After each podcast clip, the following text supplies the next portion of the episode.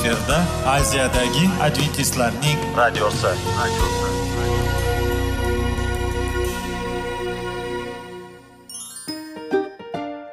Assalomu alaykum aziz radio tinglovchilar. Sog'liq daqiqasi rubrikasiga xush kelibsiz. Zero tananing sog'lom bo'lishi va uning kasalliklardan saqlash har bir insonning burchi hisoblanadi. Inson uchun bebaho boylik bu sog'liq salomatlikdir. Uni asrash esa har birimizga omonat qilib berilgan. Shuning uchun ham inson o'z sog'lig'ini ehtiyot qilishi voajib amallardan hisoblanadi. Dono xalqimiz sog'liq tuman boylik deb bejiz aytmagan. Aql idroq sohibi bo'lgan inson o'z hayotini qadrlashi lozim bo'ladi. Hozirgi kunda qanchalik dori darmonlar ko'paymasin tibbiy muassa sifati shifokorlar vasiyasi tibbiy texnika yaxshilanmasin. Agar insonning o'z salomatligi haqida qayg'urmasa kutilgan natijaga erishib bo'lmaydi va biz sizlarga bizning dasturimizga xush kelibsiz deymiz.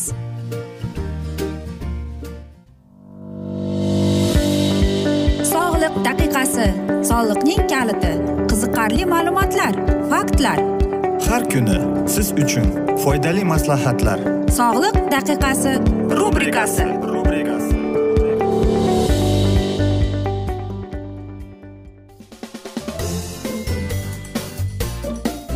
assalomu alaykum aziz radio tinglovchilar. Dasturimizga xush kelibsiz. Va biz sizlar bilan qanday qilib sog'lom bo'lish kerak degan dasturda xushvaqt bo'ling deb aytamiz. Bizning bugungi dasturimizning mavzusi ko'p suv ichishning e, sababi nimada bilasizmi deb ataladi. Sog'lom odam kuniga o'rta hisobga qaraganda ikki litr suv ichish kerak. Bu shifokorlarning tavsiyasi. Chunki miya hujayralaridan tortib vujudimizdagi e, barcha a'zolar suv ila hayot. Ko'p suv ichsak tanamizning suv yo'qotishni degradatsiya oldini olgan bo'lamiz. Kofeinsiz sharbatlar choy hamda tuzga boy bo'lmagan ichimliklar suv o'rnini bosishi mumkin.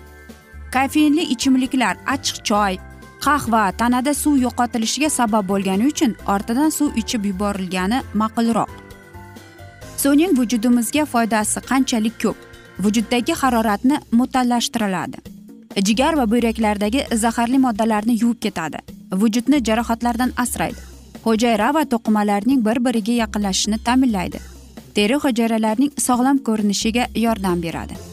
Voyaga yetgan insonning tanasiga qirq yoki ellik litr suv bo'ladi. Qonning sakson uch foizi to'qimalarning yetmish besh foizi miyaning yetmish to'rt foizi suyaklar tarkibining yigirma ikki foizi suvdan iborat.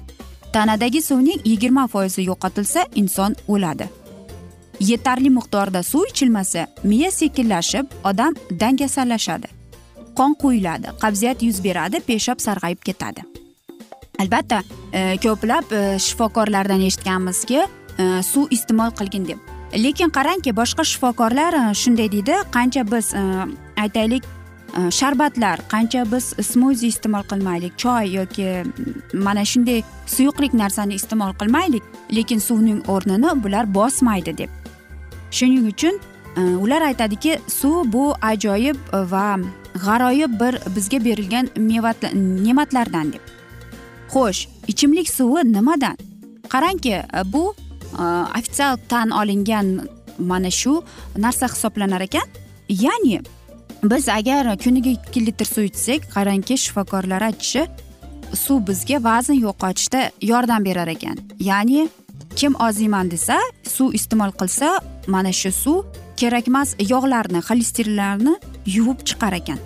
Xo'sh qanday suv iste'mol qilishimiz kerak?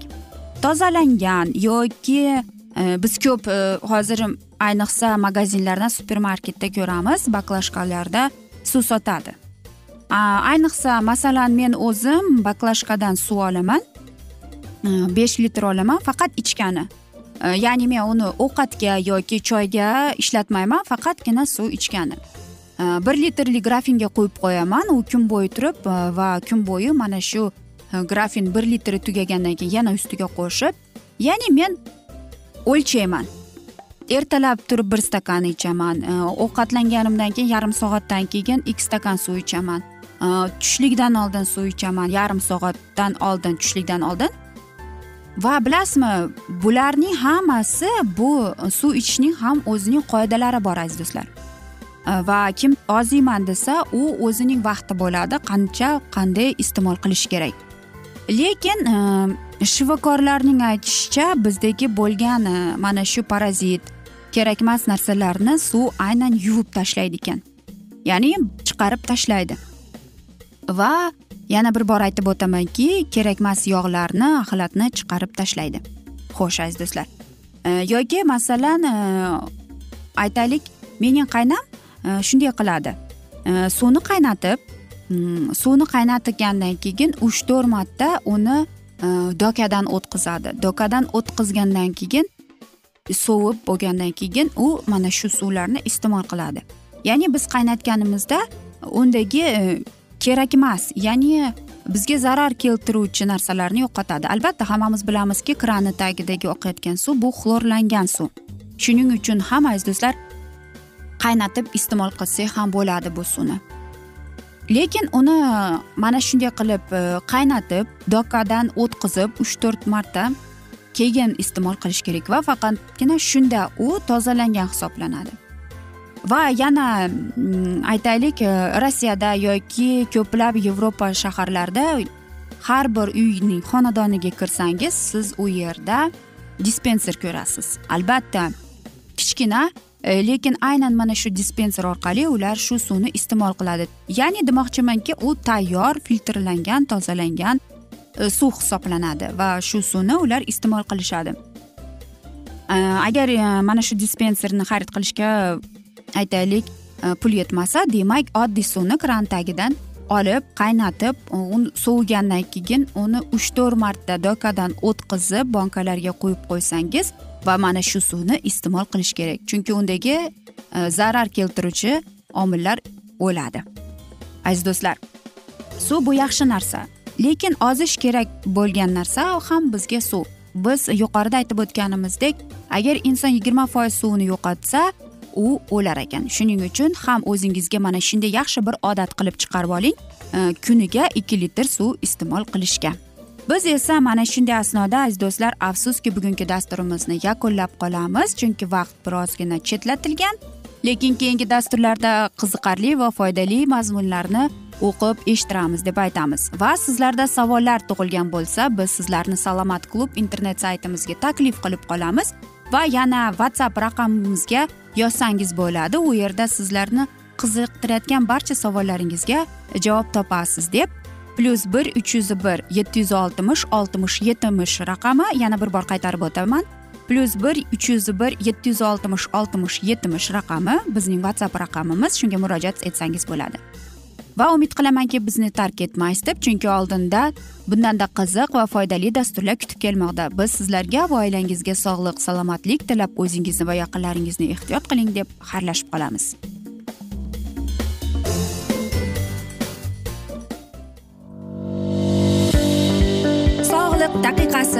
Soliqning kaliti qiziqarli ma'lumotlar faktlar. Har kuni siz uchun foydali maslahatlar. Sog'liq daqiqasi rubrikasi.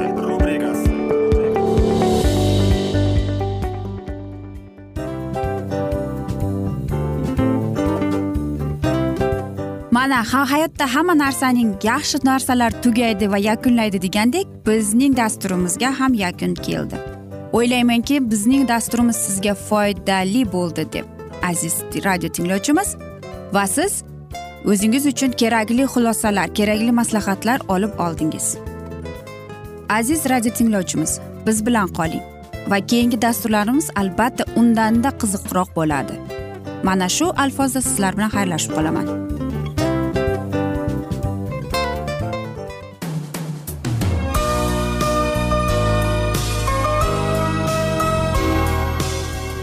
Efirda aziyadagi adventistlarning radiosi radiosi.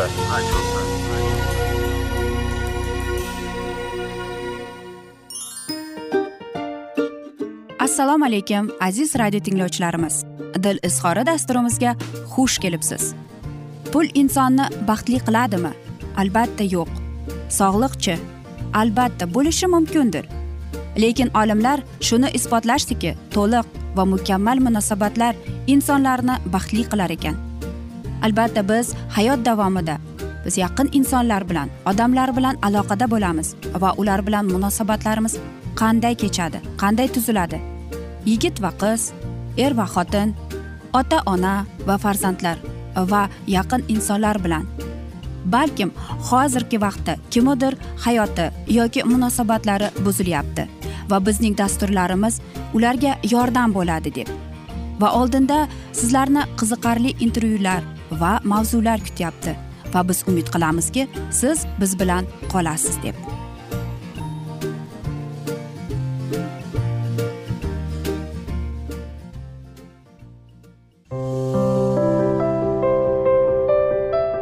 Har kuni har xil kasbdagi odamlar bilan sirlashish va bo'lishish sevgi rashq munosabat. Bularni hammasi dil izhori rubrikasida.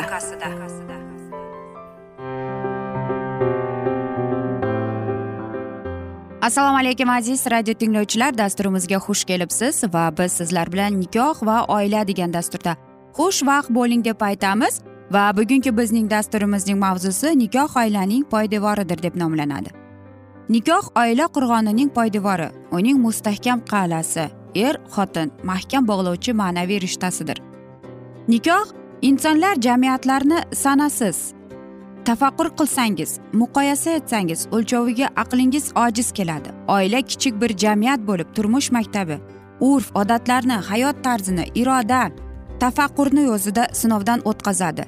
Oila insoniyat tarixining barcha davrlarida jamiyatning asosiy bug'uni bo'lgan muborak bo'ladi. Lekin yosh oilalarning ajrimlariga arzimagan bahonalar bilan sabab bo'layotgan hissiyotlariga erk bergan yoshlarimiz qonuniy nikohlarini ajrimaga ariza berib shar'iy nikohlarni sabab qilib ko'rsatmoqdalar. Oqibatini o'ylamasdan farzandlarini hayotini e'tibor qilmasdan bepisandlik qilmoqdalar. Aslida esdan chiqarmaslik kerakki inson oila qurar ekan hayotida muqaddas bo'lgan dargoh bo'lmish oilaga nikoh sharofati bilan musharraf bo'ladi. Ammo yosh yosh oilalarning ajrim bo'lishini ko'rib aqlimiz bovar qilmaydi. Nega shunday bo'lmoqda? Nega allohning buyrug'i tushunib yetmaymiz? Hurmatini qilmaymiz? Nega qonuniy ahdu paymonlarimizni paymol qilamiz? Tilimizga erk berib uning ofatlariga duchor bo'lmoqdamiz? Axir biz oilasining noxush sirlarini berkitib yaxshiligini namuna qilgan ajdodlar farzandlarimizku. Qilayotgan xato va kamchiliklarimizni e'tirof etishga qudratimiz yetmayapti. Demak hayotning qaysidir tizimida bobo kalonlarimiz tajribalariga suyanyapmiz. Chunki yagona oila qurishda ota onalar qizdir o'g'ildir farzandlarni emas balki quda andalar o'zlarini mulohaza qilmoqdalar o'ylamoqdalar. Kelajakda oila rahbari bo'ladigan kuyov bolaning kasbi kamoloti ro'zg'or tebratish qobiliyati bilim salohiyatiga qizlarimizning oila bekalligiga tayyor emasligi muomala madaniyati va odob axloqiga e'tibor qilmayapmiz. Xususan hayotning muammo qiyinchiliklariga sabr bardoshli oilaning yaxshi yomon kunlariga ahamiyat beradigan farzandlar kelajagini o'ylaydigan davrni hisobga olmayapmiz. Nikohning muqaddasligini qadr qimmatini tushunib yetadigan yoshga yetganda o'ylantirmasdan balki kelajagini bolalarcha tasavvur qiladigan paytidanoq uyli joyli bo'lsin demoqdamiz. Lekin oilalarning bardavomligini o'ylab ish qilish barchamizga farz amal hisoblanadi. O'ylasangiz uning ortida inson taqdiri qizdir o'g'ildir farzandlarimiz hayoti norasida qolgan yetim bolalarning taqdiri yotibdi. Azaldan dono xalqimiz chumolining uyi ham buzilmasin deb qoldirgan naqli bejiz emasku. Bu naqlga qaraganda inson oilasining ajrimi qanchalar noxush holatdir? Hayotda muammolar ko'p lekin barcha muammoni yechimini inson aqli bilan topa oladi. Faqat buning uchun ikki tomonning maqsadi oilani jamlash bo'lsa oson kechadi. Yaxshi bilaylik taloq so'zi oilani buzish farzandlarning tirik yetim qilish uchun emas. Takroran aytamizki oilani taloq so'zi bilan qo'rqitib tarbiya qilinmaydi balki dinimizda oilani ikki tomon muhabbati bilan mustahkamlashga buyurilgan. Ajrim bo'lish illatiga shariatdagi taloq so'zini bahona qilmaslik zero allohning farzlarini oddiy inpas sanab bo'lmaydi inson iymoniga putur yetadi. Shu o'rinda nikohga fotiha qilgan kunimizdagi xayrli duolarimizni eslaylik. Duolarimizda bolalarimizning oilasi baxtli farzandlari rizq nasibali hayotimizni saodatli bo'lishini tilaylik. Mana shunday bizga bo'lgan chiroyli mavzu bo'ldi. Albatta mana shunday yosh oilalar ajralib ketayotganiga hayron bo'lib qolamiz va o'zimizga savol beramiz. Nega shunday bo'lyapti? Nega aynan bu yoshlar ajralib ketyapti deb? Va bu yerda aytganimizdek taloq so'zi bu yaxshi so'z emas. Lekin biz ota onalar ham yaxshilab o'ylanishimiz kerak. Ularning hayotiga aralashmasdan chunki ular yosh qurgan oila. Ular baribir o'zlarining hayoti boshqacha. Biz endi masalan bir yosh oila qurgan bo'lsa nega biz ularga ajr ularning oilasiga ularning munosabatiga aralashishimiz kerak? Agar biz ota onalar e, bolamizga g'amxo'rlik qilib e, aralashib bunday bunday desak ularning munosabati albatta buzilib ketadi. Shuning uchun ham e, hamma ota onaga maslahat hech ham aralashmanglar. O'zlari hal qiladi o'zlari e, biladi. Ular e, turmush qurishdi. Va bu narsa ularning e, kelajakdagi turmush hayotidagi bo'lgan ilk qadamlar bo'ladi. Axir biz turmush qurayotganimizda bizga bizning ota onamiz bizning hayotimizga aralashmagan. Albatta siz aytasizki qanday qilib kelin bo'lgandan keyin xizmat qilish kerak u qilish kerak bu qilish kerak deb yo'q aziz ota onalar bir narsani unutib qo'ydikki hozir yigirma birinchi asr. Hozirgining yoshlarning fikri hayollari umuman boshqacha. Va albatta o'sha siz aytgandek u kelin u kuyov bola e, degan e, gaplarni qo'yishimiz kerak. E, chunki bu baribir odat urf lekin yoshlarning o'zining hayoti bo'ladi. Va ular mana shu hayot turmush tarziga qo'yishdimi oilaviy hayotga ilk qadamlar tashladimi demak o'z holiga qo'yib qo'ying. Biz esa ota onalarni ularni faqat sevib yordam so'raganda yordam berib dalda so'raganda dalda berib turishimiz kerak. Shu xolos ularga kerak. Aziz do'stlar mana shunday asnoda esa biz afsus bugungi dasturimizni yakunlab qolamiz chunki vaqt birozgina chetlatilgan. Lekin keyingi dasturlarda albatta mana shu mavzuni yana o'qib eshittiramiz. Va men o'ylaymanki hammada savollar tug'ilgan. Agar shunday bo'lsa plyus bir uch yuz bir yetti yuz oltmish oltmish yetmish raqamiga murojaat etsangiz bo'ladi. Bu bizning whatsapp raqamimiz. Va u yerda barcha sizni qiziqtirayotgan savollaringizga javob topasiz deymiz. Va aziz do'stlar men umid qilamanki siz bizni tark etmaysiz deb chunki oldinda bundanda qiziq va foydali dasturlar sizlarni kutib kelmoqda deymiz. Biz esa sizlarga oilangizga tinchlik totuvlik yuzingizdan tabassum hech ham ayrimasin deb seving seviling deb xayrlashib qolamiz.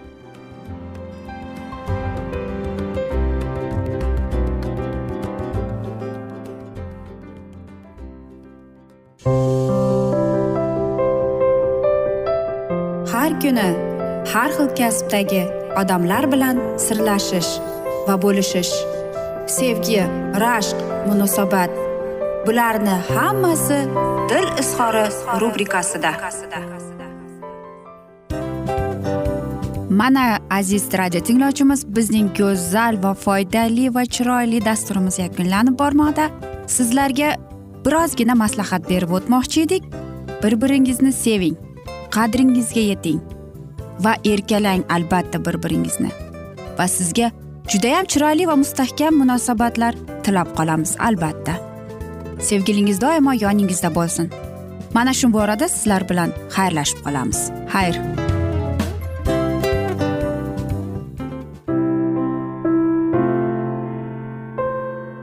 Hayotning noni qiziqtirgan savollar va javoblar. Buning hammasi ko'ngil uchun oziqa rubrikasida.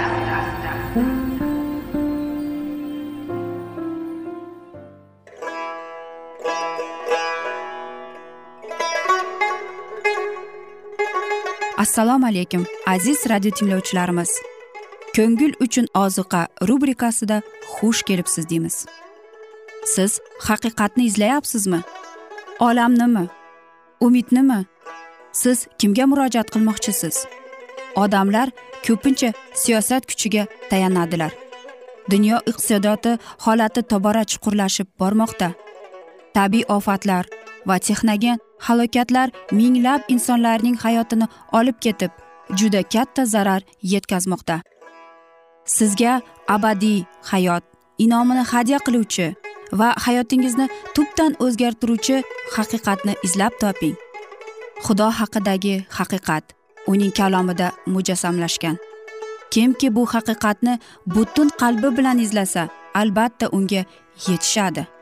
Bu sevgi xudoning tarixidir. Hayotingizda yoki sizning yon atrofingizdagi olamda nimalar yuz berishidan qat'iy nazar siz ertagi kunga buyuk umid va ishonch hosil qilishingiz mumkin. Hozirda xudo sizga taklif qilayotgan umid ishonchga o'z qalbingizni oching va sizni qiziqtirayotgan mavzularni savollaringizga javoblaringizni topib olasiz deb umid qilamiz. Biz bilan qoling.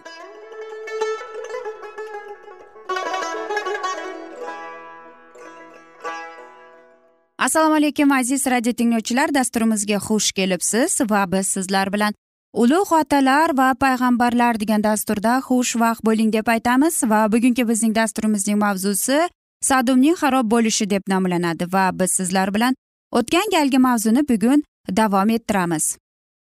Istiqomat topish uchun joy qidirar ekanmiz. Xudovandimiz shuni istaydiki biz en oldin olayilamiz qanday ma'naviy va diniy ta'sirga uchramog'ini e'tiborga olishimiz zarur. Biz tanqidiy vaziyatga tushib qolishimiz mumkin. Chunki ko'plab o'zlari xohlagan atrofdagi muhitga ega bo'la olmasalar lekin burchimiz bizni da'vat etsa biz benuqson qola olamiz. Agarda biz masih inoyatiga tayanib doimo dalil bo'lib ibodatni qoldirmasak xudo bizga yordam beradi. Lekin hojatsiz biz shunday ta'sirga yo'l qo'ymasligimiz kerak. Chunki salbiy vaziyat eng noxush darajada bizning masihiy tabiatimizning rivojlanishida akslanish mumkin. Agar biz ixtiyoriy ravishda imonsizlar jamiyatida bo'lsak biz xudoni xafalantiramiz va xonadonimizdan muqaddas farishtalarni haydab chiqaramiz.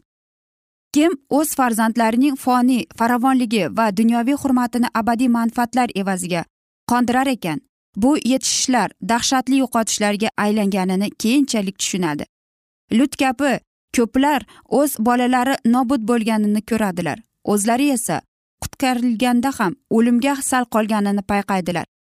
Hayot mobaynida qilgan mehnatlarining rasvosi chiqib kelajak hayotlari qayg'uli baxtsiz ekanini tushunadilar. Agar ular aqlli harakat qilganlarida bolalari yer yuzida katta muvaffaqiyatga erishmasalar ham ular o'lmas merosga amin bo'lardilar. Bu yer yuzida xudovand o'z xalqiga meros va'da qilmagan. Ibrohim payg'ambar bu dunyoda boylikka ega bo'lmagan. Bu yerda xudo unga oyoq qo'yadigan bironta parcha yerni bermadi. Uning boyligi juda katta edi lekin xudo uni sha'niga va o'z vatandoshlarining muvaffaqiyati uchun ishlatdi. U bu yerni o'z vatani deb sanamasdi. Xudovand unga abadiylik egalikka qanon yerini berishga va'da qilib o'z majusiy qavmdoshlarini qoldirib chiqishga da'vat etdi. Ammo lekin na o'zi na o'g'li na nevarasi unga ega bo'lmadilar. Xotinini ko'mish uchun yer kerak bo'lganida u qanoniylardan uni sotib oldi. Nazr etilgan yerda ega bo'lganidan faqat mamre qarshisida joylashgan maxpella qog'orida maqbara uning ulushi bo'lib o'tdi. Lekin xudoning kalomi sodiq qoldi. Yahudiy xalqi qanonda joylashganida shunda ham atalgan nazr bajo keltirildi deb ifoda qilinmasdi. Xudoning ibrohim va uning zotiga bergan ulug' va'dalari bundan kam emas. Ibrohim merosini o'zi bo'lib berishi kerak edi balki xudoning va'dasi uzoqqa cho'zildi deb ko'rinar. Zeroki xudovand nazarida bir kun ming yil va ming yil bir kun kabidir. Lekin tayinlangan vaqtda albatta bo'ladi bekor qilinmaydi. Ibrohim va uning urug'ining merosi faqat qanonning emas butun yerga tarqaldi. Havoriy shunday deydi. Xudo ibrohim va uning zurriyotiga yer yuzini egallab olish to'g'risida va'da bergan edi. Bu va'da ibrohimga tovoratda amal qilgan deb emas balki iymoni bilan o'zini oqlagan deb nasib etdi. Ibrohimga atalgan nazrlar masih orqali amalga oshmog'i kerakligini muqaddas kitob aniq ta'limot bermoqda. Masihning hamma izdoshlari ibrohimning urug'idir va xudo ibrohimga va'da qilgan merosdan bahramandlar. Samoda saqlanayotgan beg'ubor chirimas so'lmas bir merosning merosxo'rlari gunoh la'natidan oqlangan yerimizning merosxo'rlaridir. Zero butun falak ostida podshohlik va saltanat va shohan shoh kuch qudrati parvardigori olamning muqaddas xalqiga berilur va beozorlar yer yuziga bo'lajak. Ular tinch osoyishlikda huzur kelajak. Xudo ibrohim payg'ambarga uning o'lmas merosimini ko'rsatdi va u o'sha umid bilan yashadi. Iymon bilan u xudo va'da bergan yerda o'rnashdi. Nasib bo'ladigan kut barakalining ham vorislari bo'lgan o'g'illar ishoq va yoqub bilan birga g'ariblarcha chodirda yashadi. U me'mori va quruvchi xudo bo'ladigan mustahkam boqiy shaharni kutar edi. Ibrohimning zurriyati to'g'risida yozilgan. Bu kishilarning hammasi xudo va'da etgan barakalarga erishmay iymonli bo'lib olamdan o'tdilar. Barakani uzoqdan ko'rib olqadilar. Yer yuzida g'aribu musofir ekanliklarini e'tirof etdilar. Agar biz yanada yaxshiroq ya'ni samoviy vatanni orzu etsak biz yer yuzida musofiru g'arlibchilikda yer yuziga vaqtincha kelgandek yashashimiz kerak. Ibrohim otamiz me'moru va quruvchi xudoning boqiy shaharni kutar edi. Biz ham ibrohim alayhissalomning farzandlari shu boqiy shaharga intilaylik. Omin mana shunday aziz do'stlar chiroyli bo'lgan bizga muqaddas so'zdan iborat va bu sadum shaharning vafoti bo'lgan. Va men o'ylaymanki hamma o'ziga kerakli bo'lgan mulohazalarni chiqarib oldi. O'ziga kerakli bo'lgan e, xulosa chiqarib oldi. E, chunki zero qarangki e, bu kitoblarda aytilgan xudoyim tashlamaydi. Muqaddas otamiz bizni tashlamaydi. Xuddi ibrohimni xuddi lutni tark etmagandek u doimo biz bilan. Aziz do'stlar unutmaylik. Biz esa aziz do'stlar mana shunday asnoda afsuski bugungi dasturimizni yakunlab qolamiz chunki vaqt birozgina chetlatilgan. Lekin keyingi dasturlarda albatta mana shu mavzuni yana o'qib eshittiramiz. Va agar sizlarda savollar tug'ilgan bo'lsa biz sizlarni plyus bir uch yuz bir yetti yuz oltmish oltmish yetmish yana bir bor qaytarib o'taman. Plyus bir uch yuz bir yetti yuz oltmish oltmish yetmish bu bizning whatsapp raqamimiz. Murojaat etsangiz barcha savollaringizga javob topasiz deymiz. Va umid qilamanki bizni tark etmaysiz deb chunki oldinda bundanda qiziq va foydali dasturlar kutib kelmoqda sizlarni. Sizlarga sog'liq tilagan holda omon qoling deb xayrlashib qolamiz.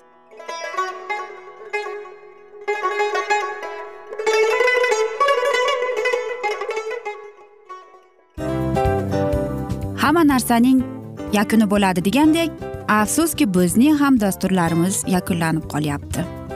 Va biz o'ylaymizki bizning dasturimizdan o'zingiz uchun kerakli va foydali maslahatlar olib oldingiz. Sog'liq borasida sizga foydali maslahat berganmiz deb umid qilaman albatta.